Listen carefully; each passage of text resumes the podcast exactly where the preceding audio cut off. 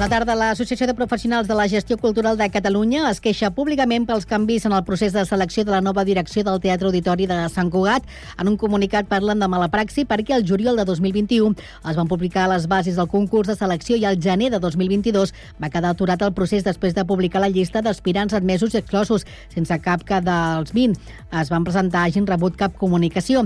Aquesta associació afegeix que davant aquest silenci ara han vist que es nomenarà una persona sense passar per cap concurs de pública concurrència concurrència, com va avançar Cugat Mèdia. La resposta de l'Ajuntament a aquest comunicat és que les bases d'aquell procés iniciat el 2021 ja no s'ajusten als models actualitzats i revisats pels serveis jurídics municipals i per això les adequaran a la nova orientació de les principals polítiques públiques que el vol desplegar segons fons municipals.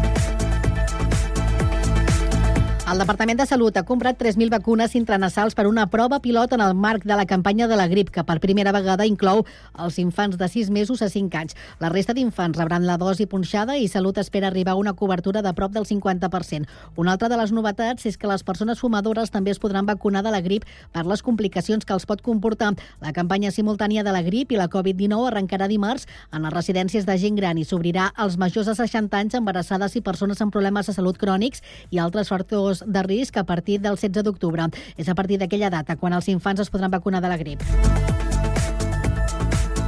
El delegat del govern a Barcelona, Joan Borràs, ha visitat aquest matí l'Ajuntament en una jornada de treball amb l'alcalde, membres del govern i altres partits i altres representants de l'oposició, així com el president de l'IMD de Valldoreix. La trobada s'ha centrat, sobretot, en avançar en les converses per millorar les instal·lacions del CAR, que passen per un projecte al qual no han avançat, que necessita d'una modificació puntual del planejament urbanístic. La Generalitat s'ha trobat en bona sintonia amb el consistori, que ha explicat que ja tenen pactada una reunió amb la direcció del CAR per a la primera setmana d'octubre. I fa anys que el Club Júnior treballa i lidera un altre projecte per construir un complex esportiu de primer nivell per l'hoquei herba català i espanyol. L'equipament previst en uns terrenys municipals a tocar del Club Sant Cugatenc s'hauran de requalificar. Inclou dos camps d'hoquei herba, un de gran reglamentari per acollir competicions internacionals, un de petit, un pavelló, un gimnàs, uns vestidors i un edifici amb sales de formació. Segons ha sabut Cugat Mèdia, aquest projecte ja el coneixen i veuen amb bons ulls la Secretaria General de l'Esport de la Generalitat, la Federació Catalana d'Hoquei herba i l'Ajuntament de Sant Cugat.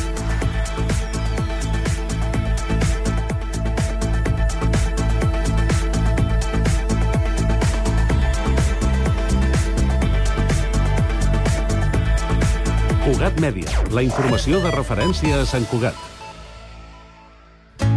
Alexa, abre Radio San Cugat. Bienvenido a Radio San Cugat Cugat Media. ¿Qué quieres escuchar? ¿Radio en directo o el último boletín?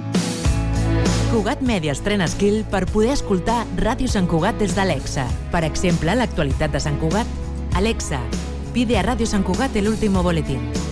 Escuchando el último boletín de Radio San Cugat. Cugat.cat Notícies. I també la ràdio en directe. Alexa, pide a Radio Sant Cugat la ràdio en directo. Escuchando en directo Radio San Cugat. L'artista local defineix la situació com a dura perquè... Ràdio Sant Cugat Cugat Mèdia, 91.5 FM, www.cugat.cat i ara també a través d'Alexa. La ràdio que necessites, ara més a prop teu.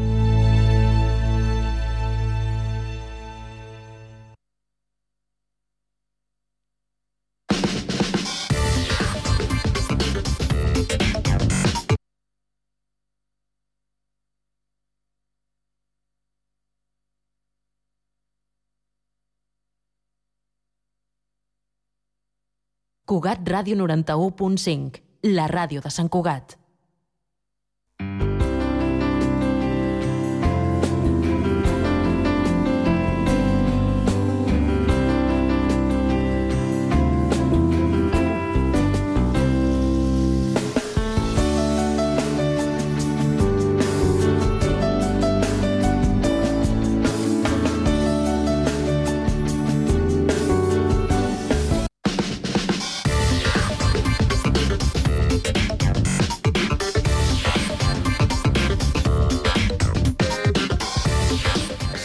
La tarda, 4 minuts. Obrim la...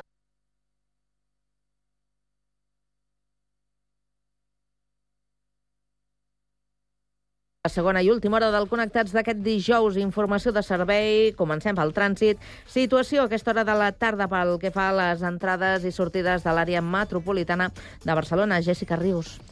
Hola, doncs ara mateix ja ah, ens trobem en circulació amb retencions al tram de Montcada de Reixac cap al Nus de la Trinitat i també hi ha retencions a Barcelona, al Nus de la Trinitat per un carril tallat. Eh, això és tot segons informa el Servei Català de Trànsit. Doncs anem a comprovar com està funcionant el transport públic. Albert Garran, bona tarda. Doncs la situació a hores d'ara a l'àrea de Barcelona és en general de normalitat i és que ja s'ha solucionat la incidència Cada que hi tarda, havia de des 4 a de 6, primera hora del matí. a la línia Connectats. R1. Una experiència radiofònica a Sabadell, Terrassa, Sant Cugat, Castellà, El Prat i Badalona.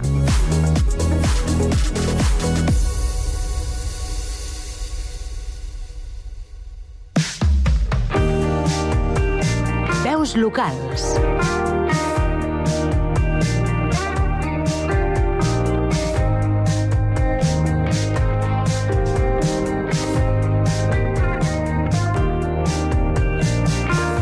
El protagonista d'avui és un fotoperiodista pretén que aquesta nit tindrà l'honor de ser el pregoner de les festes del Prat.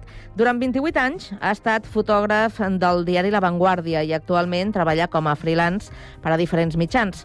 També ha estat reconegut amb diversos premis nacionals i internacionals de fotografia com el World Press Photo, el Sony World Photography o l'Agustí Centelles i ha publicat en revistes d'arreu del món. Amb aquest currículum segur que avui tindrà moltes coses per explicar al nostre company del Prat Ràdio, Jonathan Marín. Bona tarda. Bona tarda, segur que sí, David Airop.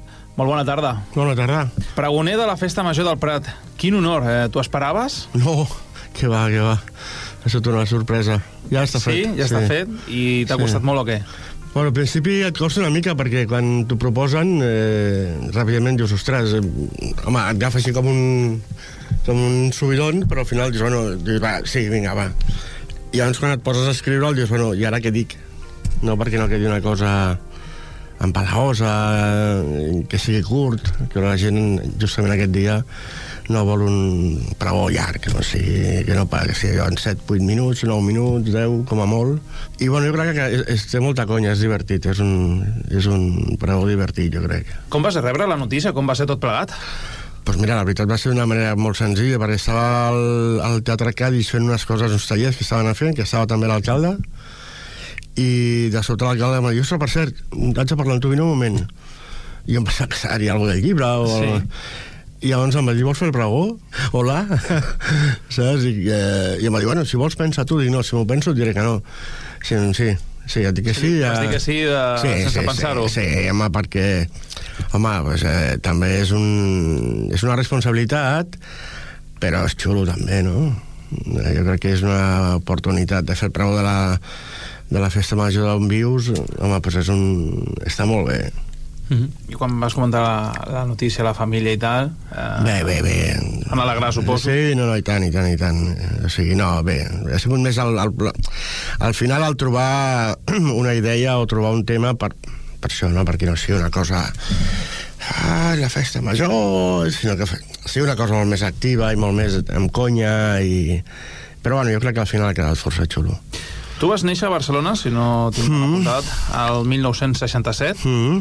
però vius al Prat. Mm. Mm, Des de quan i, i com es va donar la cosa perquè acabessis eh, vivint aquí? Pues jo visc aquí des de fa uns 23 anys aproximadament o així. I M'estàvem buscant amb la meva dona un pis i tal per viure.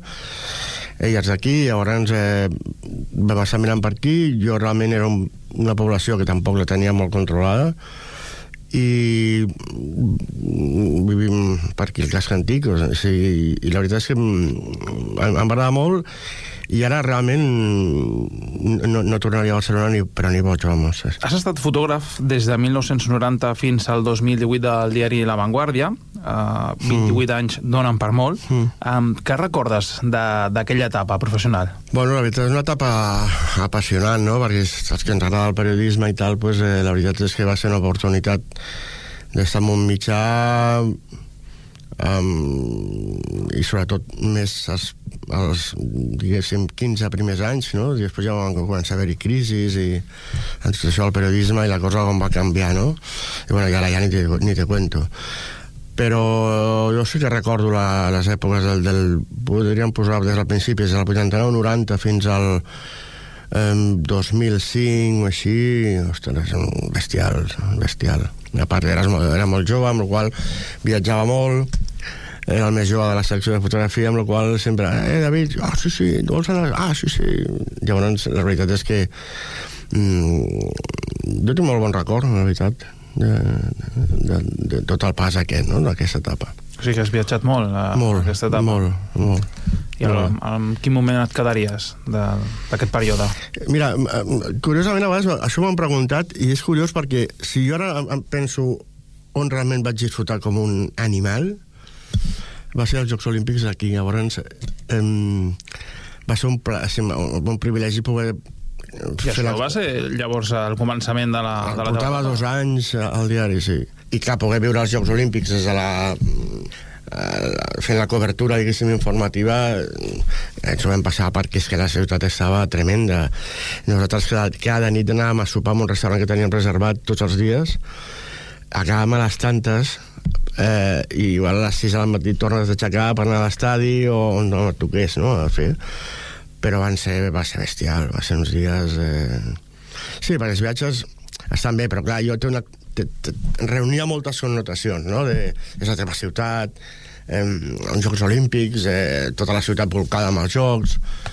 Va ser molt especial. Des de ben petit eh, tenies clar que volies ser periodista i, més concretament, fotoperiodista? Mm. Jo primer volia ser disjockey. Ah. sí, no sé No s'assembla molt, eh? No, però sí, a la, a, ja una mica més gran i tal, m'agradava fer fotos, m'agradava fer fotos i tal, i, i sobretot m'agradava pues, el, el tema del periodisme, no? Un... Primer van ser les fotografies i després el periodisme? No, no, no, no, no, va anar molt lligat, va anar molt lligat, sempre anava amb la càmera per si em trobava alguna cosa, que oferir-ho a algun diari, mira, m'he trobat aquest accident, o jo què sé, saps? I bueno, una mica et vas anar introduint. És veritat que en aquell moment a nivell laboral hi havia molta més feina que ara, però però, vamos, és, és incomparable. Amb la qual jo crec que hi havia com més possibilitats, no?, d'entrar a treballar i sobretot entrar a treballar amb un sou que poguessis viure. Que ara realment jo sé d'amics que estan i hòstia, és que eh, s'ha anat molt a la baixa, no? Perquè com afecta la professió és la possibilitat de que qualsevol amb un mòbil faci unes fotografies mm. increïbles. Sí, sí, sí. Jo crec que la, la, la fotografia digital en general no ha sigut gens positiva. Ha sigut positiva amb la facilitat de, de, de treballar, però s'ha quedat molta gent pel, pel camí. Molta, però molta. I jo a vegades ho penso, no? Si, a vegades trec la càmera en pel·lícula i vaig amb el fotòmetre i jo trobo a faltar aquest ofici, no l'ofici, diguéssim, el, el pur ofici de mirar la llum, de mesurar la llum, de calcular la llum, que és el nostre ofici. El problema és tant que els mitjans els importi un pitu la qualitat i és igual. Si la foto és gratis, pues, Aquí està el problema. David, has guanyat diversos premis nacionals i internacionals de fotografia, com el World Press Photo, el Sony World Photography o l'Agustí Centelles. Mm. D'aquests que he comentat, quin és el que més il·lusió t'ha fet? Mira, l'Agustí Centelles era un, era un premi que, eh, que donava cada any al, a l'Avui, al diari Avui. Això estem parlant de l'any 91, així, quan el van donar. I em va fer molta il·lusió que me'l donessin perquè me'l van donar per un treball que vaig fer al Zúrich, del Cafè Zúrich, abans que el tiressin al terra i canviessin l'estructura de tot. Que vaig estar un any anant al Zúrich. I era un treball que jo tinc molta, molt de carinyo. No? I el Press Photo Home, fa il·lusió perquè és la màxima... Eh, guanyar un gol per fotos és, com que et col·loca en un altre lloc, no? Que és absurd, perquè al final ets el mateix abans i després. Però, amb, clar, en un país on els premis i tot això pues, es valora, pues, mm, és com si et fotessin una, una ratlleta, no? És, però Uh, jo crec que em quedaria amb l'Agustí Centelles. Hem de parlar de la teva darrera obra, Hores de Prat, on has captat amb la teva càmera escenes de la vida de la ciutat del Prat, del seu territori i també la seva, la seva gent al llarg d'un any i on la pandèmia mm. hem, doncs, ha tingut un paper protagonista. Com va sorgir tot aquest projecte mm. i també com ha estat tot el procés d'elaboració? No, el, el projecte... Jo com, eh, estava començant a fer una mica de, de documentació del poble, no, del Prat, I curiosament em va trucar a l'Ajuntament que volien fer un canvi amb el llibre institucional perquè el que havia ja portava molts anys doncs em van dir que els hi si m'interessava i si m'interessava que els hi presentés un, un projecte com, com veia jo el, com veuria jo el llibre no? Llavors, eh, la veritat és que ens vam entendre molt ràpid, molt. Eh, llavors va començar el llibre, però el, el, el, el Covid el va parar dos anys. Diguéssim, el projecte, el projecte el va parar dos anys. Entre mig va haver-hi l'Hores Tristes de Prat, que va ser l'expo que vam fer, i, uh, i es va... L'any passat el vam retomar a l'abril o així, i va ser tot l'any de bueno, pues, intentar cobrir-lo màxim, no? perquè hi ha molta cosa aquí al Prat i realment necessitaries 3 anys per fer-lo però bueno, també era una història molt que jo crec que, que tenia, molta, tenia que tindre molt protagonisme a la gent més que eh, espais eh, que surten o instal·lacions que també surten però sobretot amb, amb, amb alguna humà al, per al davant Quin és el secret per fer una bona fotografia? La llum, potser? La llum, el moment... Eh, la ciència? Sí, la composició... Eh, és molt difícil fer una bona foto, molt, molt. De fet, jo me'n recordo que, per exemple, cada any, el, el, quan, i, i no ho faig jo, eh, ho fa molta gent, quan treballava a la Vanguardia, de tot el que jo havia enviat, jo m'ho guardava en una carpeta. I al final d'any deia, vale, de tot això que he enviat, eh, no sé quantes fotos serien, moltes, moltes. En quina foto, quina selecció diries, hòstia, això Seran 4 o 5, eh? 4 o 5 imatges que deies, hòstia, això al cap del temps eh, aguantarà, és una bona foto, tal. L'altre eren dolentes, no, però no tenien aquell punt de... Ah, ostres, aquesta sí, no? Per això li passa a molta gent. A tots els llibres de Magnum, per exemple, d'un fotògraf de Magnum, i, i el llibre aquell són 30 anys de, de, de, o 20 anys d'un projecte, o sigui, costa molt fer una bona foto. Mm -hmm. Des de 2013 eh, també treballes com a videògraf en mm. diversos cursos i documentals. Un exemple és el documental 103, mm -hmm. fet juntament amb José Bautista sí. i dedicat a l'experiència viscuda pel veí del Prat, Fernando Domínguez, després mm. d'ingressar per Covid a l'Hospital de Belvitge. Um, ja imagino, no? Eh, suposo que va ser una experiència dura i impactant, no?, de fer. Sí, perquè realment jo vaig entrar la primera vegada que entro a Belvitge, ara no me'n recordo per dates, però era l'època dura del, del Covid, i jo el primer dia que entro allà i veig tot de cossos despullats, pronats, diguéssim, girats cap a baix. Vaig veure tres morts. Eh, eh, jo vaig sortir aquell dia que vaig trucar amb un company, fotògraf, que surt, l'endemà entrava ell a Belvitge, i li vaig dir, hòstia, tio, estic en un banc en, en, en, totalment en xoc. Diguem, això és una, una carnisseria, tio. I, bueno, la veritat és que quan vaig sortir vaig eh, tirar molt clar, inclús vaig trucar amb el José i li vaig dir que, hòstia, hauríem de fer alguna d'això. No sé el què, però llavors vaig parlar amb, amb l'hospital i els vaig proposar de poder fer alguna cosa, no? Van trigar en contestar, en donar el permís, i llavors, clar, el problema és que quan va trigar, clar, aquestes històries o les gafes i entres, o quan jo vaig entrar, tota la tensió que jo havia viscut aquell dia uf, estava molt més baixa, no? Eh, llavors, realment era una sensació d'estar hores allà per res, perquè no, no havia... I justament, a l'arribar a casa, eh, vaig trucar amb el cap d'urgències i vaig donar les gràcies i vaig dir, tio, jo no vull molestar i veig que no, no, hi, ha, no hi ha història, no, no, no sé on està la història, amb la qual no vull estar allà per estar. I ella em va dir, no, tranquil, si això se t'ocorreix alguna cosa, torna'm a trucar i parlem i tal, vale, vale. I llavors se'm, se'm va, va caure les mans la carta del Fernando, no?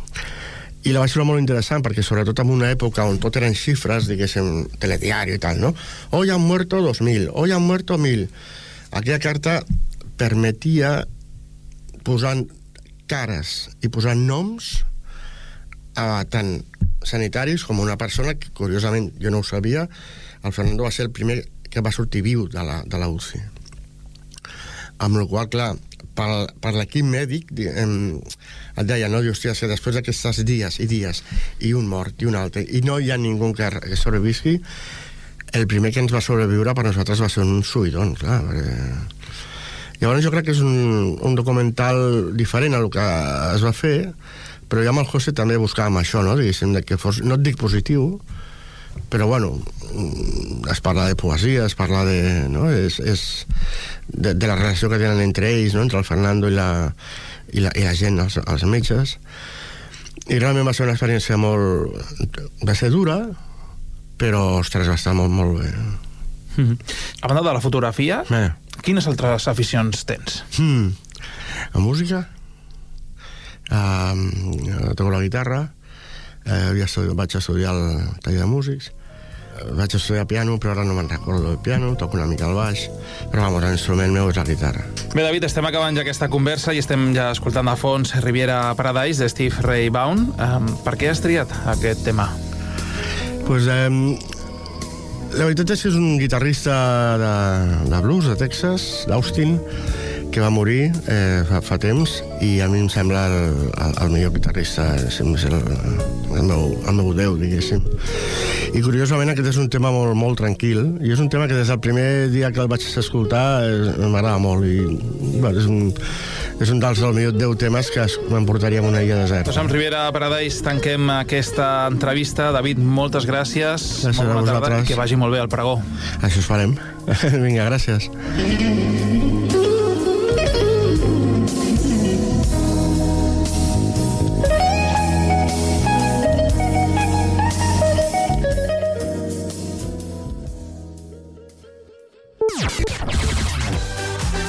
Connectats, una experiència radiofònica a Sabadell, Terrassa, Sant Cugat, El Prat, Castellà i Badalona.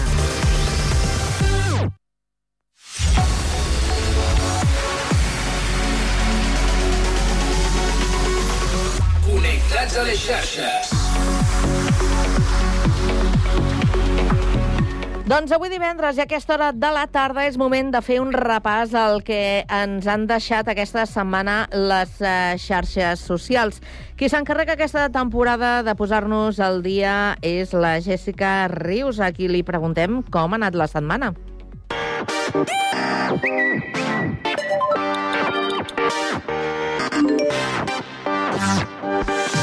Aquesta setmana va començar amb una notícia dolenta pel món de la ràdio. El mític locutor Pepe Domingo Castaño ens va deixar diumenge per la nit. Quan una persona coneguda mor, les xarxes socials es solen en plena de comentaris bonics i carinyosos cap a la persona en qüestió. Hola, hola. Tiempo de juego. Tenía pensado decir hola secas, pero Manolo Lama me ha convencido, nos ha convencido, de que hoy, más que nunca, en el primer día de la radio sin Pepe, en nuestro primer día de la vida sin Pepe, había que usar su grito de guerra, aunque a mí gritar, Manolo, no me sale. José Domingo Castaño Solar falleció esta madrugada en Madrid de forma inesperada, rodeado de los suyos, y entre los suyos estaba Paco González, representándose a sí mismo, a todos los del equipo y, por supuesto, a todos vosotros, a todos ustedes. Y comprenderán que hoy Paco esté donde tiene que estar.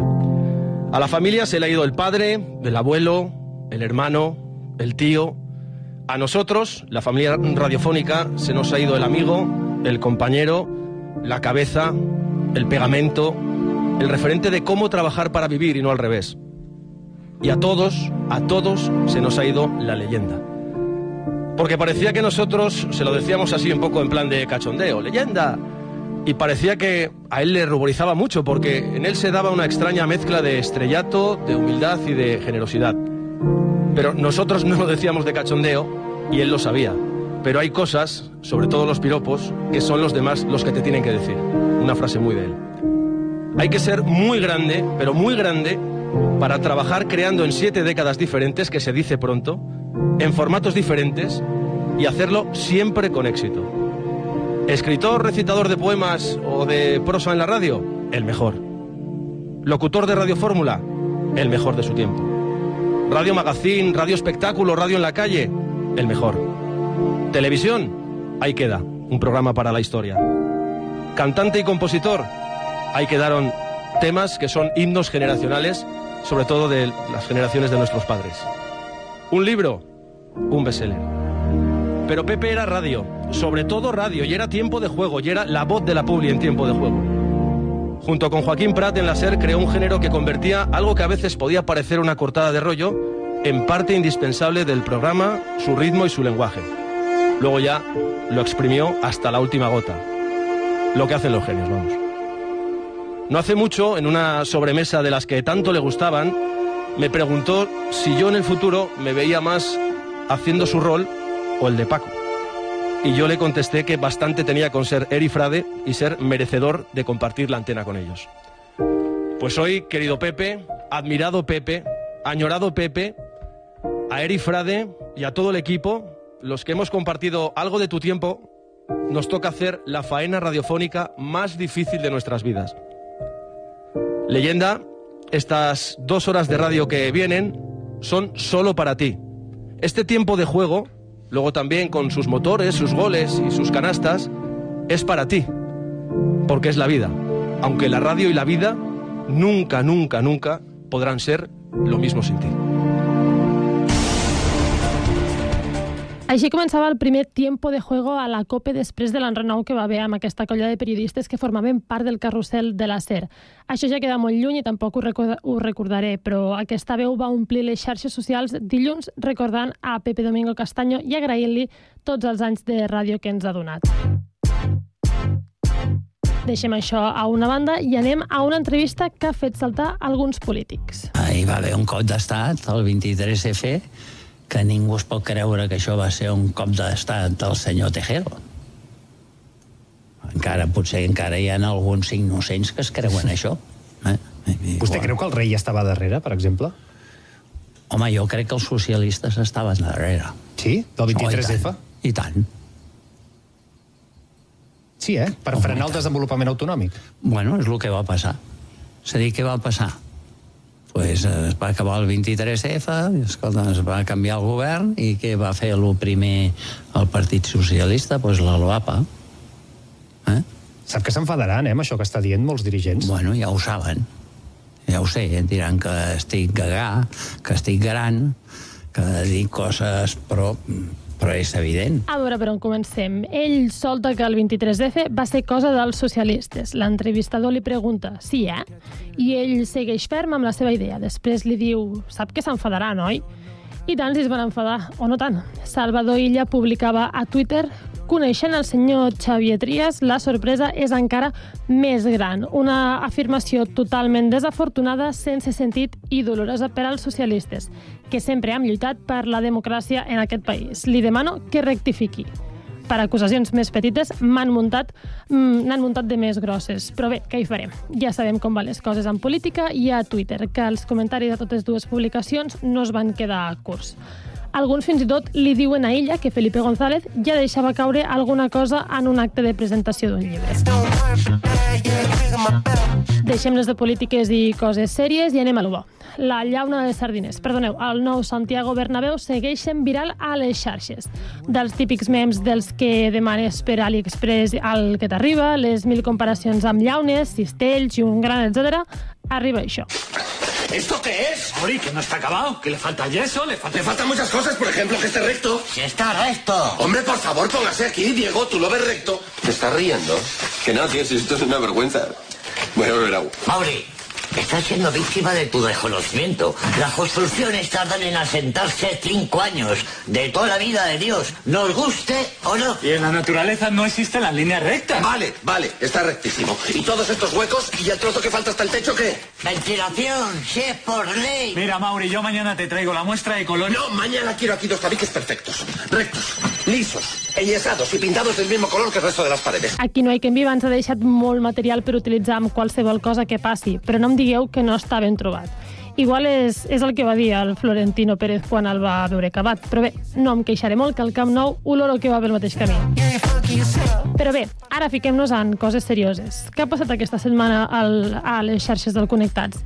Doncs la publicació amb més interaccions ha estat l'entrevista a la psicòloga terrassenca Ivet Castro, que ens va explicar què és la síndrome postvacacional. Però això no és tot, sinó que també podeu recuperar el primer Coses d'antes, que va repassar la trajectòria de la Maria Teresa Campos. Al balanç de la temporada de, de teatre vam conèixer que el sexe, les malalties prèvies o el nivell d'estudis són factors de risc de patir i recuperar-se de la Covid persistent.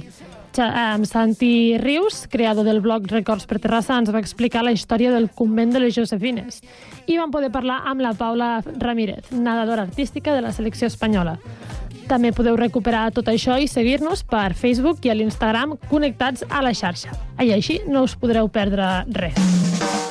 Si sou del Girona o no, però teniu mascota, ara teniu la possibilitat de fer la sessió del Girona per 10 euros. Això, més que una curiositat, sembla una falca publicitària, però no. El Girona Club de Futbol ja fa temps que és un club pet friendly. Les presentacions dels jugadors ja es fan amb la canya, la mascota oficial del club. És un Golden Retriever, de color beix moníssima. Això sí, si teniu dues mascotes o més, heu d'escollir quina és la vostra favorita, perquè només en podeu fer sòcia a una. Això és com triar entre el papa i la mama, encara que potser n'hi ha que alguns ja tenen ben clar qui, qui serà. Ara només falta que ens deixin portar a la mascota al camp, que aprofito i faig la crida a tots els clubs de Catalunya i del món sencer a que facin el mateix. Jo vull anar amb la meva mascota a veure el partit. Això sí, s'haurà d'anar amb compte, perquè si arriba a saltar el gos o el gat al camp, a córrer darrere la pilota, els partits duraran molt més del que, del que estan durant ara. Dijous es va estrenar la quarta temporada de Sex Education. Hi, I'm Otis Milburn, and I am incredibly awkward, and I struggle with public speaking. And I am also a bit of a mess. I didn't kiss anyone until I was 16 years old, and I've had problems wanking and fingering. I suffer from anxiety, and I feel misunderstood a lot of the time. I've had my heart broken by people I like, and I've hurt people who like me. So I am a mess, but I think all teenagers are, and I think that's why it's so important that we can talk. Just send her your dick. Just send it. Root to tip.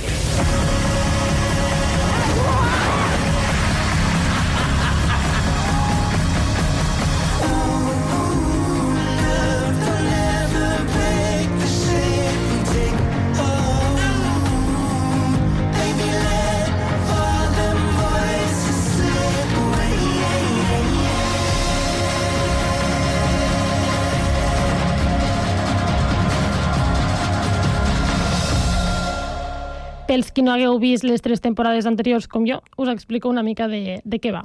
Otis és un adolescent insegur que té resposta per qualsevol dubte sobre sexe gràcies a que la seva mare és sexòloga. Una companya de l'institut anima el noi a que obri una consulta sexual a l'institut i a partir d'aquí es va embolicar la cosa. Ara, a la quarta temporada, l'Otis i l'Eric s'han d'afrontar a un altre repte, anar a un institut nou que està a un altre nivell. Si els protagonistes de la nostra sèrie es pensaven que eren progressistes, aquest institut els supera i de bé.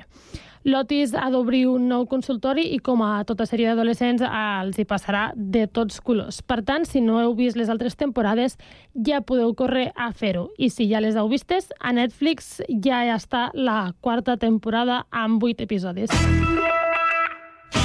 Seguim, perquè dijous Shakira va treure cançó. Es titula El Jefe i col·labora al grup mexicà Fuerza Recogida. Sembla que ja es va oblidar de Piqué, però no de la seva família perquè ara el que li ha tocat rebre és el pobre pare del Piqué.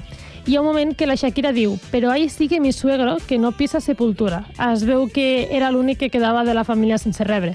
Això em fa pensar que si la Rosa Peral demana que Netflix li pagui drets per la sèrie, igual als Piqué també li poden demanar alguna compensació a la Shakira pel que porta guanyat a costa d'ells, no?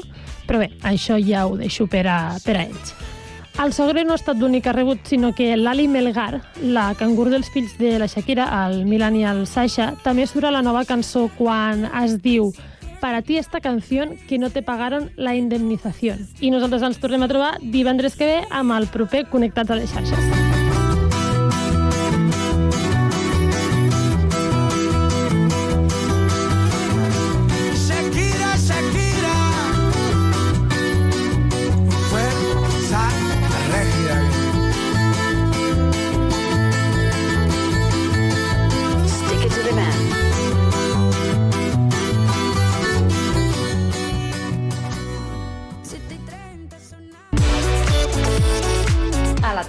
No et desconnectis. Connectats.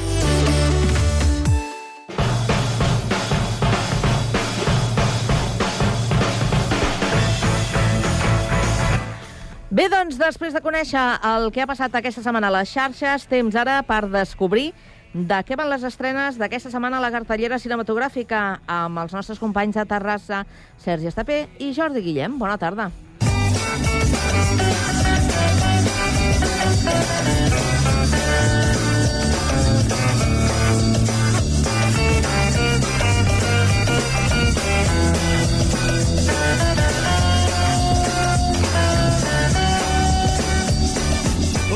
Bona tarda, al compàs d'aquesta cançó de la banda sonora de Reservoir Dogs. Iniciem una setmana més aquesta secció de cinema del Connectats, que és pràcticament impossible que no es fes sense la participació del periodista de Diari de Terrassa, el nostre cinèfil particular Jordi Guillem. Jordi, què tal? Bona tarda. Bona tarda, com estem? Ha Bon triomfat la sintonia nova, eh? Sí, ha agradat? Sí, sí, a mi m'agrada. Em vaig estar tot el cap de setmana... Escoltant-la en bucle?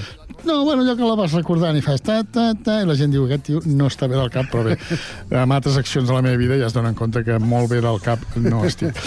Bé, doncs, com els fidels ja ho sabeu, els que us incorporeu per primera vegada, analitzarem algunes de les estrenes, concretament cinc de les estrenes que, déu nhi aquesta setmana va a Planeta, i després us direm també la resta de pel·lícules que podeu veure a partir d'avui, i després recordarem, bueno, faci- facilitarem, felicitarem a un director molt conegut de cinema, perquè el dilluns fa anys.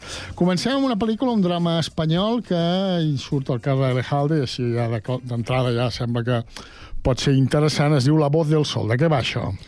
Doncs mira, està basada en una història real uh -huh. uh, i és la història de dos uh, persones, la Maruja i el seu marit uh, Manolo, que es veuen obligats a escapar d'Espanya després de la Guerra Civil i des de llavors viuen a París, eh, exilats, i treballen al servei de, de l'ambaixador dels Estats Units. Eh, a partir d'aquí, doncs, eh, agafen mm, molt carinyo, diguéssim, amb el fill de l'ambaixador, que es diu Alan, uh -huh. i tampoc vull desvetllar massa, se l'emportaran a Espanya, a veure Exacte. els orígens, els seus països, hi ha una història personal d'ell, d'ella. Eh, La pel·lícula està dirigida per una cineasta que comença, que es diu Carol Polakov. Ens Mhm. congratulem que cada cop hi ha més cineastes dones eh, en exercint, i no només en direcció, sinó en guió, etc, cosa que era impensable fa uns anys. Hi havia Gracia Querejeta i, i poca cosa més. I protagonitzen Carmen Machi, Carre Lejalde, com deies, i d'altres secundaris com l'Alicia Lobo, el Càndido Uranga, etc. Una, una pel·lícula així eh, amb fotografia de Jos- José Luis Alcaine, un, un drama, una comèdia... Interessant. Pinta bé. Molt bé, doncs el que farem, com sempre, és escoltar res, una miqueta d'aquest de La voz del sol per fer-nos una idea. Hay que ver cómo llueve. No es lluvia, es Dios escupiendo los gabachos. Me gustaría llevar conmigo y con Manolo a Lanito, a mi tierra. ¿A dónde, a España? Sí. Puedo tomar mis propias decisiones, ¿sabes, Manolo? Soy una mujer libre. Sí, libre de tocarme los huevos. Bé, doncs sembla ser que també hi ha molts tocs de comèdia. Carre Lejalde, sentenciant. Lejalde En eh, la seva màxima expressió. Ens en anem als Estats Units. Aquest cop hi ha una comèdia que es diu Vida Perra, que tu ja has vist, tot i que s'estrena avui, no Sí. direm per què. I bé, què, què em pots dir d'aquesta comèdieta? comèdieta Doncs eh? que és, és dels productors que van fer Oso... Aquí no sé com es deia... Cocaine Beer es deia? Aquí es de, no sé si es va dir l'oso Sí. cocainòman Sí, ja o sé no sé què. vols dir. En fi, aquella pel·li d'un oso. En aquest cas eh, és una pel·li especial perquè la protagonitzen, surt algun humà, com Dennis Quaid, però bàsicament la protagonitzen gossos. Quatre gossos. Uh. -huh. uh, un d'ells uh, és el, el protagonista. Uh, el títol original és Strays, que vol dir extraviats, perduts. Eh, doncs és això, el Regis, un gos, un border terrier, que el seu amo, que és un, un impresentable, el- l'abandona i fa un joc que se l'emporta lluny i li tira una pilota de tennis perquè l'agafi, però ell torna cada vegada i al final un dia... Abans es deia vaig a per tabaco i no es tornava a casa, ara Doncs es això. tira la piloteta. Això de la piloteta amb el gos i al final doncs, ella es troba al carrer, allà coneix d'altres gossos. Eh, quan veieu la pel·li veureu que els gossos parlen, que tenen un moviment de la boca i, mm. i parlen. A la versió original són el Jamie Foxx i el uh, Will Ferrell qui posen la veu. És com una comèdia dels germans Farrelly, molt estripada. Sobretot no aneu amb nens a veure-la, si fos Mhm. el cas. A vegades dius una pel·li de gossos, per Doncs nens, no. no. No és per nens, majors de 18 anys, perquè hi ha moltes frases i bromes eh, tant de tipus de sexual to. com de tipus catològic molt òbvies, que fan molta gràcia, però clar, no són adequades per segons quines edats. Mhm. Una comèdia divertida, sense més, que la gràcia és que l'ensinistrador dels gossos haurà fet una, una gran feina per intentar doncs, que aquests, aquests animals, que com deia Hitchcock, no treballis mai ni amb gossos ni amb nens, doncs que no se li vagin de mare perquè no és fàcil, eh, perquè són, ja et dic, són els protagonistes de pràcticament el 90% del que passa a la pel·li. Molt bé, doncs aquest Vida Perra, aquesta comèdia dels Estats Units, ens porta també, continuem als Estats Units, ens porta a un drama, en aquest cas es diu El superviviente de Auschwitz. Va del Sí. que jo m'imagino o Eh, tindràs sorpreses? Sí, més o menys, més o menys, però hi ha alguna, alguna sorpresa. Uh, el Superviviente, en la versió original, aquí, com, com sempre, hem de ser molt més originals i dir-li afegir-li lo d'Auschwitz, per si algú no No tenia fos clar. cas, sí. És, és la història d'un boxejador Mhm. que es sobreviu d'alguna manera o en el camp de concentració d'Auschwitz eh, durant la Segona Guerra Mundial boxejant. Allà es, uh Mhm. es fan lluites clandestines i tot això, i aquest senyor doncs, eh, sobreviu d'aquesta manera. I quan s'acaba la guerra, ja als Estats Units eh, doncs, decideix també fer el mateix, eh, intentar guanyar-se la vida d'alguna manera, busca també la seva, la seva nòvia, que li ha perdut la pista, mm, hi ha un, algú que explica la seva vida, que vol escriure un llibre sobre ell. És una pel·lícula dirigida per Barry Levinson, Mhm. el director de Rayman, eh, entre d'altres, i, i, en fi, és, és una pel·li així potent, la seria l'estrena eh, nord-americana més important de la, de la setmana. Molt bé, doncs eh, tornem a a endinsar-nos amb el món del tràiler i en aquest cas eh, escoltem una mica de El superviviente de Auschwitz. Satan Lea es pariente suya. No. Y su familia está. Mi madre, mi padre, mis hermanas.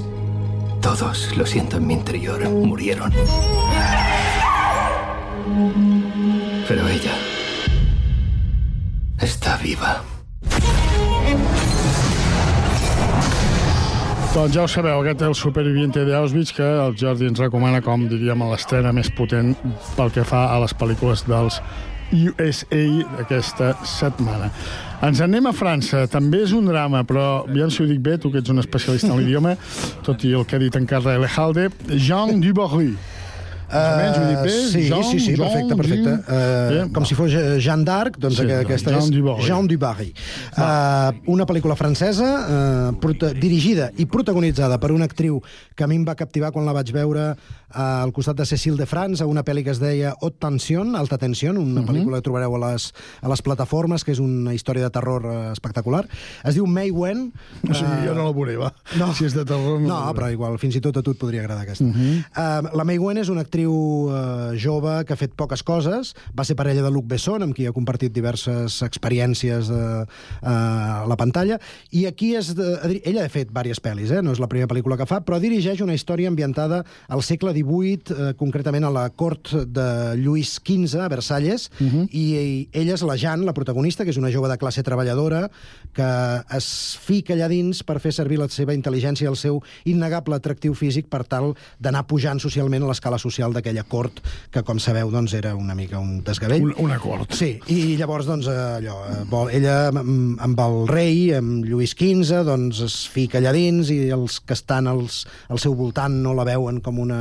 És a dir, la veuen com una rival i no els agrada massa, però, en fi, és una pel·li que està força bé, sobretot si us agraden les pel·lis d'època. Surt també Johnny Depp i també actors francesos del nivell de Melvin Poupeau, Pascal Gregori o Benjamin Laverne, per exemple. Molt bé, aquesta Jean Dubarry, aquest drama francès, ens obre les portes per l'última pel·lícula així que comentem més abastament. És una pel·lícula de Canadà, diuen que és una pel·lícula romàntica, i és, no és Falcon Crest, és Falcon Lake. No sé si és perquè està basada, passa en un llac. Sí, passa, passa en un llac, el llac Falcon, i a mi és la pel·lícula que més m'interessa personalment, de banda que hem dit que la de- d'Auschwitz era, Sí. era una pel·li així potent. i És atractiu, el tràiler del Falcon Lake és molt Sí, atractiu. sí, és una, és una òpera prima, aquesta sí, d'una cineasta que es diu Charlotte Le Bon, cineasta canadenca, la pel·lícula és canadenca, i explica la història que s'ha explicat moltes vegades, de la relació amorosa d'un adolescent molt jove, té 13 anys, es diu Bastian, i eh, passa les vacances en un llac de la zona del Quebec, al Canadà, amb, amb la seva família, en una cabanya, i allà es troba amb la Chloe, que és una noia adolescent també, però més gran que ell, s'enamoren i estableixen un vincle molt especial que va més enllà de, de l'amor i la sexualitat, i hi ha també la inquietant llegenda d'una del fantasma del llac, del qual parlen. És una pel·lícula mm -hmm. molt així de, mm, de, de despertar t- tot, no? a la sexualitat i també a la, a la vida, I, però està fet amb molta gràcia, és a dir, no és la clàssica pel·li d'adolescents, tampoc és el clàssic drama romàntic, té tocs de terror, però poquets. Uh, està molt ben explicada, la veritat. Actors uh, desconeguts i això, una pel·li que és de l'any passat, ens arriba ara, una pel·li canadenca que, que va estar nominada als Premis César, que va competir a la quinzena de realitzadors del Festival de Canes i a la Seminci de Valladolid. Interessant. Molt bé, aquest Falcon Lake, ara escoltarem un tros per acabar aquest repàs a les cinc pel·lícules que el Jordi ha considerat més interessants. ¿Qué edad tienes, Bastián? Tengo 13, pero cumplo 14. ¿No sabes lo del fantasma? No creo en esas cosas. Encontraron el cuerpo de un chico al otro lado del lago.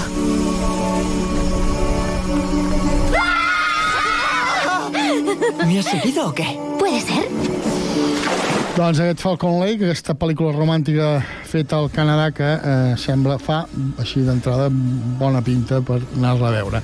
També s'estrena aquest cap de setmana una comèdia espanyola, Amigos hasta la muerte, un thriller fet a Islàndia, Operació Napoleón, un drama fet a Gran Bretanya, The Road Dance, també un drama fet als Estats Units, Flora i su hijo Max, una altra pel·lícula romàntica espanyola, Treguas, un drama fet a Espanya, de ser una vez en Canàries, també una comèdia espanyola, Desmadre incluido, Carajita, que és un drama fet a la República Dominicana, un cinema que no, no acostumem a, a tenir per aquí, i un documental fet als Estats Units que es diu Carlos de Santana Journey i un documental de Portugal que es diu André Rie rodeados de amor. I escolta, tu volies, eh, tot i que l'aniversari és di, dilluns, Abans, eh? Dilluns. abans per això et volia donar una notícia. Ràpida, Uh, sisplau. ràpida, amb dos titulars. Uh, dimecres... Plegues, Uh, ah. no, ja m'agradaria. No. Dimecres l'Acadèmia del Cinema Espanyol va decidir quina serà la pel·lícula que representarà Espanya als Òscar en la categoria de pel·lícula de parla no anglesa. No abundarem en el tema perquè en vam parlar la setmana passada. Serà el Carràs. Només dir que serà el car... no, que serà La Societat de la Nieve, la pel·lícula de J. Bayona. La que vam comentar Exacte. l'altre dia sobre la tragèdia dels, dels Andes, Andes i que segurament tindrà nominacions en moltes més categories. Ens haurem d'esperar primer si entra la llista de 15, després la llista de 5, Val. i finalment al març eh, el Sergi bé. va fent que sí amb el cap sí, el tema dels premis li interessa no, zero. perquè ja en parlarem dels Oscars. Va, parlem de l'aniversari. Dilluns fa 74 anys, Pedro... Almodóvar. Pedro! No? Pedro Aquest, Almodóvar. la Penélope aquest va senyor cridar això quan va guanyar Va l'Oscar. cridar la Penélope. Què m'expliques ràpidament Doncs que és un senyor, del senyor Almodóvar? és un senyor potser més valorat fora que aquí, eh, que va néixer a Calzada de Calatrava, un poblet de Ciudad Real, el 25 de setembre de l'any 49, per tant, dilluns farà 74 anys. Segurament el cineasta espanyol mm, actual, és a dir, viu, més conegut, mm, deixem fora d'aquesta llista Berlanga i molts altres, Um, la seva producció es divideix en diverses èpoques, diguéssim, té un principi on fa una mena de, de comèdia així més aviat eh, gamberra i més eh, com l'època de Pepi Luce i Bom i Otras chicas del montón, eh, Mujeres Mujeres. al borde d'un ataque de nervios, que és A mi potser... em va encantar, és una pel·lícula Sí, que em va sí, agradar molt al seu moment. Després l'he vista i em va semblar que el temps l'havia superat. Eh? Sí, això passa en moltes pel·lis, eh? això és veritat. Jo també l'he vist fa en el poc. seu moment i em va... Coses... Sí, la vaig veure, a més a més, la vaig veure al cinema i em va semblar vaig riure. Clar, no se'n feien de pel·lis No, d'aquestes, de- d'aquesta... A mi em passa amb Almodóvar, no sé si et passa a tu, que Mhm. hi ha, m'agraden pel·lícules que m'agraden molt i pel·lícules que no m'agraden gens. Sí, perquè és un director que arrisca, que... que Per exemple, Volver em va agradar molt, però Sí. en canvi he vist altres pel·lícules com la que Los amantes pasajeros és la pitjor, que clarament. surt el Toni Cantó, n'hi ha una que surt el Toni Cantó, que no me'n recordo el títol, que és, per, em sembla horrible, no sé si és Todo sobre mi Tacones, madre. eh, todo sobre mi madre. A mi m'agrada. Todo sobre mi madre. pel·lícula horrible, més com que hi ha el Toni Cantó d'en- d'entrada ja em Ja no et crea- cau bé. Ja em crea repelús, però de sempre, eh? no quan s'ha pronunciat políticament, sinó mai m'ha agradat. Què més? Digue'm quatre coses més. Mira, va. mm, he dividit una miqueta la... la... Bé, no les he dividit jo, les divideixen a, a, els, els que hi entenen. L'etapa punk seria això, Pepi Lucio. Sí, sí, chicas del montón, Laberinto de pasiones, etc. Llavors entra en una etapa que d'influència berlanguiana i feliniana, diguéssim. Uh, aquí trobem Entre tinieblas, aquella pel·li sobre les monges, Sí. que he hecho yo para merecer esto. Aquesta també estava bé. Aquesta estava bé. I llavors l'etapa que a mi més m'interessa, que és la- l'etapa clàssica, on, on fa, crec, les seves obres mestres, hi ha La ley del deseo, Matador, eh, Átame, Mujeres, fins i tot, Tacones lejanos... Matador també t'haig de dir que és d'aquelles que m'agrada. És de les bones. Hi ha una etapa experimental que estaria Kika, amb Àlex Casanovas, La flor de mi secreto, Carne trèmula, i després hi ha una etapa... El Trèmola tampoc em va desagradar. No està mal, Penélope Cruz. Hi ha una etapa més, més avantguardista, refinada, que és on trobem Todo sobre mi madre, Hable con ella, que és la pel·li per la qual va guanyar l'Oscar al millor guió, eh, La mala educació, Volver, i últimament està fent coses que, bé, algunes sí, algunes no, Mm, no sé què penses tu de les últimes. Jo últimament no he vist gaire, ja et dic. Potser l'última pel·lícula que em va agradar més de, de l'Almodóvar és la que he dit, no? Volver, perquè em sembla que està una pel·lícula està Sí, molt Volver ben està feta. molt bé. La Cruz està sensacional. Però bé, això, com tot, va a gustos. No, jo no, ets molt? Mm, 100% no, però bueno, un 6, un 7. És a dir, Sí. Hi ha pel·lícules que m'agraden i altres que no... Per exemple, ell eh, comença a ser conegut pel Pepi Lucí Bom i altres xiques del motor, quan ja havia fet un parell de, de llargmetratges Exacte. abans. És de l'any 80. I és aquest que suposo que, clar, com que va com molt una mica connectat amb, amb la movida, Sí, aquella. l'Alaska, ell llavors cantava amb el McNamara, que cantaven amb back, allò que en deien el backtrack. Però bé, eh, mm, sí, és un, potser sí que és més reconegut fora, però bé, em sembla un director més que correcte. A mi em va agradar molt el, mig, el migmetratge que va fer, Extraño vínculo de sangre, crec que es deia, no vist, amb Ethan Hawke i Pedro Pascal, que em va semblar... Bé, gran és Pedro un, Pascal. Gran Pedro Pascal, un western espectacular, dura mitja hora, però està bé. I Madres Paral·leles, Aviam l'última... si la puc veure, aquesta que dius tu, aquest curt de mitja hora. Val molt la pena, la veritat, és un western. Escolta, marxarem, mira, la pel·lícula és Pepi Lucí Bon Ah, molt bé. I altres xiques del montón. No marxo amb la Volver perquè no la canta. Si la cantés la, la Penélope Cruz sí que l'hagués marxat amb aquesta cançó. La pel·lícula aquesta, Pepi Lucí Bon i altres xiques del montón, que és un títol que potser ara no es posaria, és de l'any 1980. Ell va fer de director i guionista i la cançó es diu Estava escrito i la canta Montnabel. Doncs amb Monabel marxem, no? Fins la setmana vinent. Bon cap de setmana i bon cinema. Sigueu feliços.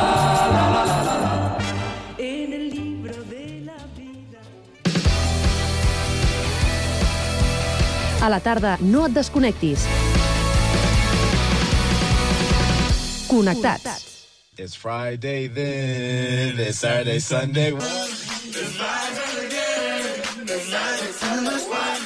Abans de marxar, com cada divendres, fem un repàs de l'agenda dels diferents municipis del Connectats.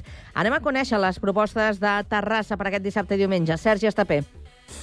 Bona tarda. Terrassa, dissabte a les 12 del migdia i a la Biblioteca Central de Terrassa, aperitiu musical. Conversem i escoltem a Carles Benavent i el seu baix elèctric. També dissabte a la Factoria Cultural, per dues sessions, una a les 6 de la tarda i l'altra a les 9 de la nit, el monòleg Viaje con nosotros, un show del comandant Lara amb Luis Lara, Vicente Ruidos i Jesús Tapia. Seguim ara amb les propostes que ens arriben de Sabadell. Pau Duran.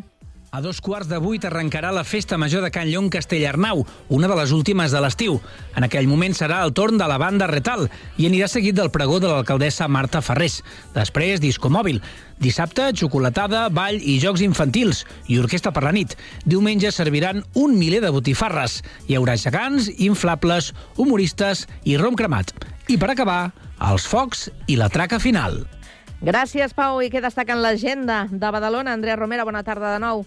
Bona tarda de nou, Carme. Aquest dissabte el Teatre Zorrilla inaugura la temporada amb l'obra Cost de vida, protagonitzada per l'actor Julio Manrique. Un drama contemporani que presenta dues històries on la lluita per sobreviure és tan important com la lluita per superar la soledat. Recordem que és una obra premiada amb un Pulitzer i dirigida a casa nostra per Pau Carrió. I també dissabte els 80 principales tornen a l'escenari del Sarau amb les seves versions, una proposta que rememora els èxits de l'època daurada dels anys 80, tant a l'àmbit nacional com a l'àmbit internacional. Gràcies, Andrea. Seguim amb les propostes del Prat de Llobregat amb Festa Major ja a partir d'avui. Rocío Santa Eufèmia, bona tarda. Bona tarda. Ja està tot a punt pel toc d'inici l'esclat que aquesta tarda donaran el tret de sortida a la festa major. El pregó enguany anirà a càrrec del fotoperiodista pretenc David Airop i precedirà els tradicionals focs d'artifici. Demà dissabte és el dia fort i començarà ben d'hora a les 8 del matí amb les matinades gralleres. Tot un dia d'activitats de cultura popular, esport, música i propostes per a totes les edats que s'allargaran fins la nit. Diumenge també té previstes diferents activitats com les matinades de foc o la trobada gegantera. Per la nit serà el torn del grup OBK, el Julio Méndez. La festa major s'allargarà fins dilluns, dia de tancament, en què el pes el tindran les activitats per a tota la família. Com és tradició, la festa clourà amb els castells de foc a diferents punts de la ciutat. La festa major del Prat torna al seu format habitual de quatre dies i començarà aquesta tarda a partir de dos quarts de set amb el toc d'iniciar a la plaça de la Vila. Des d'un quart de set podreu seguir en directe tot el que passi amb el programa especial que farem des del Prat.tv. Bé, doncs, eh, al Prat ja sabeu multitud de, de propostes per a aquesta festa major, que si voleu, doncs us hi podeu acostar i les podeu aprofitar. Que teniu ganes d'anar a Castellà del Vallès? Doncs de seguida ens explica Guillem Plans quina és l'oferta per aquest dissabte i diumenge. Un nou concert al Calissó Cultural aquest dissabte a les 9 del vespre i actuarà el grup L'Orgull de Barri, una formació de pop-rock nascuda a final dels anys 80 al barri de la Creu Alta de Sabadell. El seu repertori està vestit a partir de versions de cançons clàssiques dels Beatles, Roy Orbison, Rod Stewart o Bruce Springsteen i adaptacions de temes pop i rock en espanyol i en català, des de l'último de la fila fins a M-Clan o Sopa de Cabra. Gràcies, Guillem. I abans d'acabar, repassem el més destacat de l'agenda de Sant Cugat. Ens la porta Jessica Ríos. Bona tarda. Des de Sant Cugat us recomanem el novè Sant Cugat Fantàstic, el Festival Internacional de Cinema Fantàstic i de Terror que s'inaugura aquesta nit al Cinema Sant Cugat, amb les pel·lícules Juego de Brujas i Darklands. Les entrades es poden comprar a les taquilles i al web dels cinemes i tenen un preu de 7 euros per la sessió inaugural amb una sola pel·lícula i 10 per la sessió inaugural amb les dues pel·lícules. El festival comença avui i s'allargarà fins diumenge. Podeu consultar tot el programa al web de cugat.cat.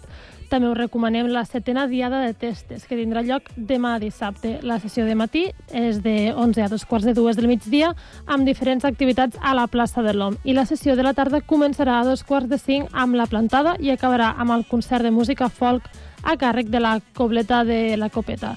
De 8 a 9 del vespre, durant tota la tarda, es faran activitats a la plaça d'Octavià. Les podeu consultar al web cugat.cat. Si voleu conèixer més activitats, podeu consultar l'agenda de cugat.cat.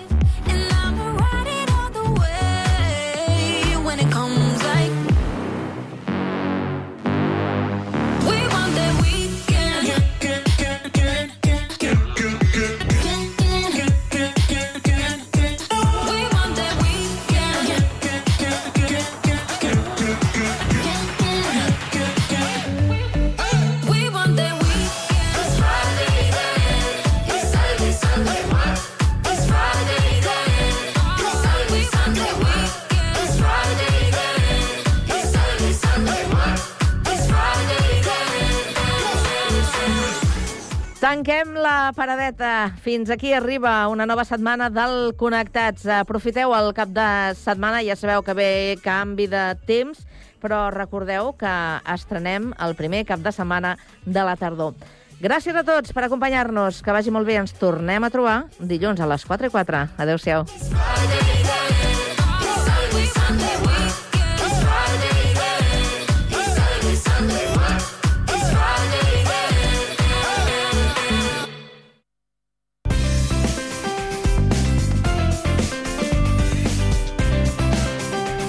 Ràdio Sant Cugat, Cugat Mèdia, 91.5 FM.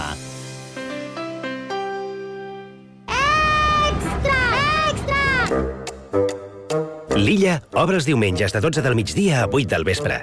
És el pla perfecte. Shopping, activitats per la família, gastronomia, premis amb les compres i una hora d'aparcament gratis. Gaudeix de diumenges diferents i divertits a l'Illa Diagonal. Em dic Laura Musull i sóc Data Scientist a Banc Sabadell. El que més m'agrada de treballar al banc és aprendre del meu dia a dia i de les persones de l'equip, expertes, creatives i no conformistes, a més de les oportunitats de créixer i desenvolupar-hi una carrera professional. Si ja tens experiència i busques un canvi laboral o estàs començant la teva carrera professional, no ho dubtis. Afegeix-te a un projecte en què podràs créixer, aprendre i sentir-t'hi a gust. Més informació sobre les nostres oportunitats professionals a sabadellcareers.com. Nosaltres. Nosaltres som feliços. Nosaltres som així. Nosaltres, un programa de ràdio mensual amb el grup Catalònia Fundació Creativa, que treballa amb persones amb discapacitat intel·lectual o trastorn de conducta. Avui som la Maria José, el Miguel, l'Edu, la Núria, l'Irra, el David, l'Antonio, l'Artur, l'Emma, l'Àngel i el Guillem, jo mateix. Jo vaig començar amb el teatre d'aficionats. I vaig començar a fer molts càstings, molts càstings, i vaig començar a dedicar-me a la moda. Jo volia ser tenista i, i vaig aconseguir ser tenista professional. Jo em vaig donar compte que m'agradava molt la natació sincronitzada perquè m'agradava molt l'aigua. Vaig començar bastant tard a, a fer música i vam crear la banda d'Arnau Giso. Nosaltres, Cada mes a Ràdio Sant Cugat, Cugat Mèdia. Nosaltres. Hem sortit al carrer per preguntar als nostres escoltants què els hi semblava la llanterna màgica i això és el que ens han dit. Pues la cosa es así. Verá. Es impresionante. Me encanta, me encanta. Mola. Me gusta cómo suena. ¡Qué bonito! Si us agrada el cine i les bandes sonores, vosaltres també podeu formar part dels escoltants de la llanterna màgica. Tots els dijous, a les 10 del vespre, la llanterna màgica a Ràdio Sant Cugat. La banda sonora de la teva vida.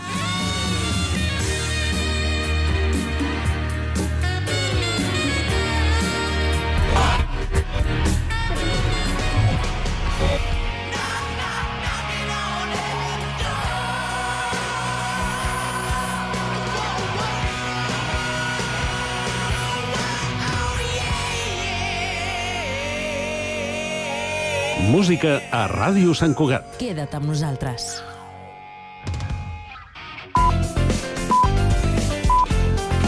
Ràdio Sant Cugat. Cugat Mèdia. Ràdio Sant Cugat,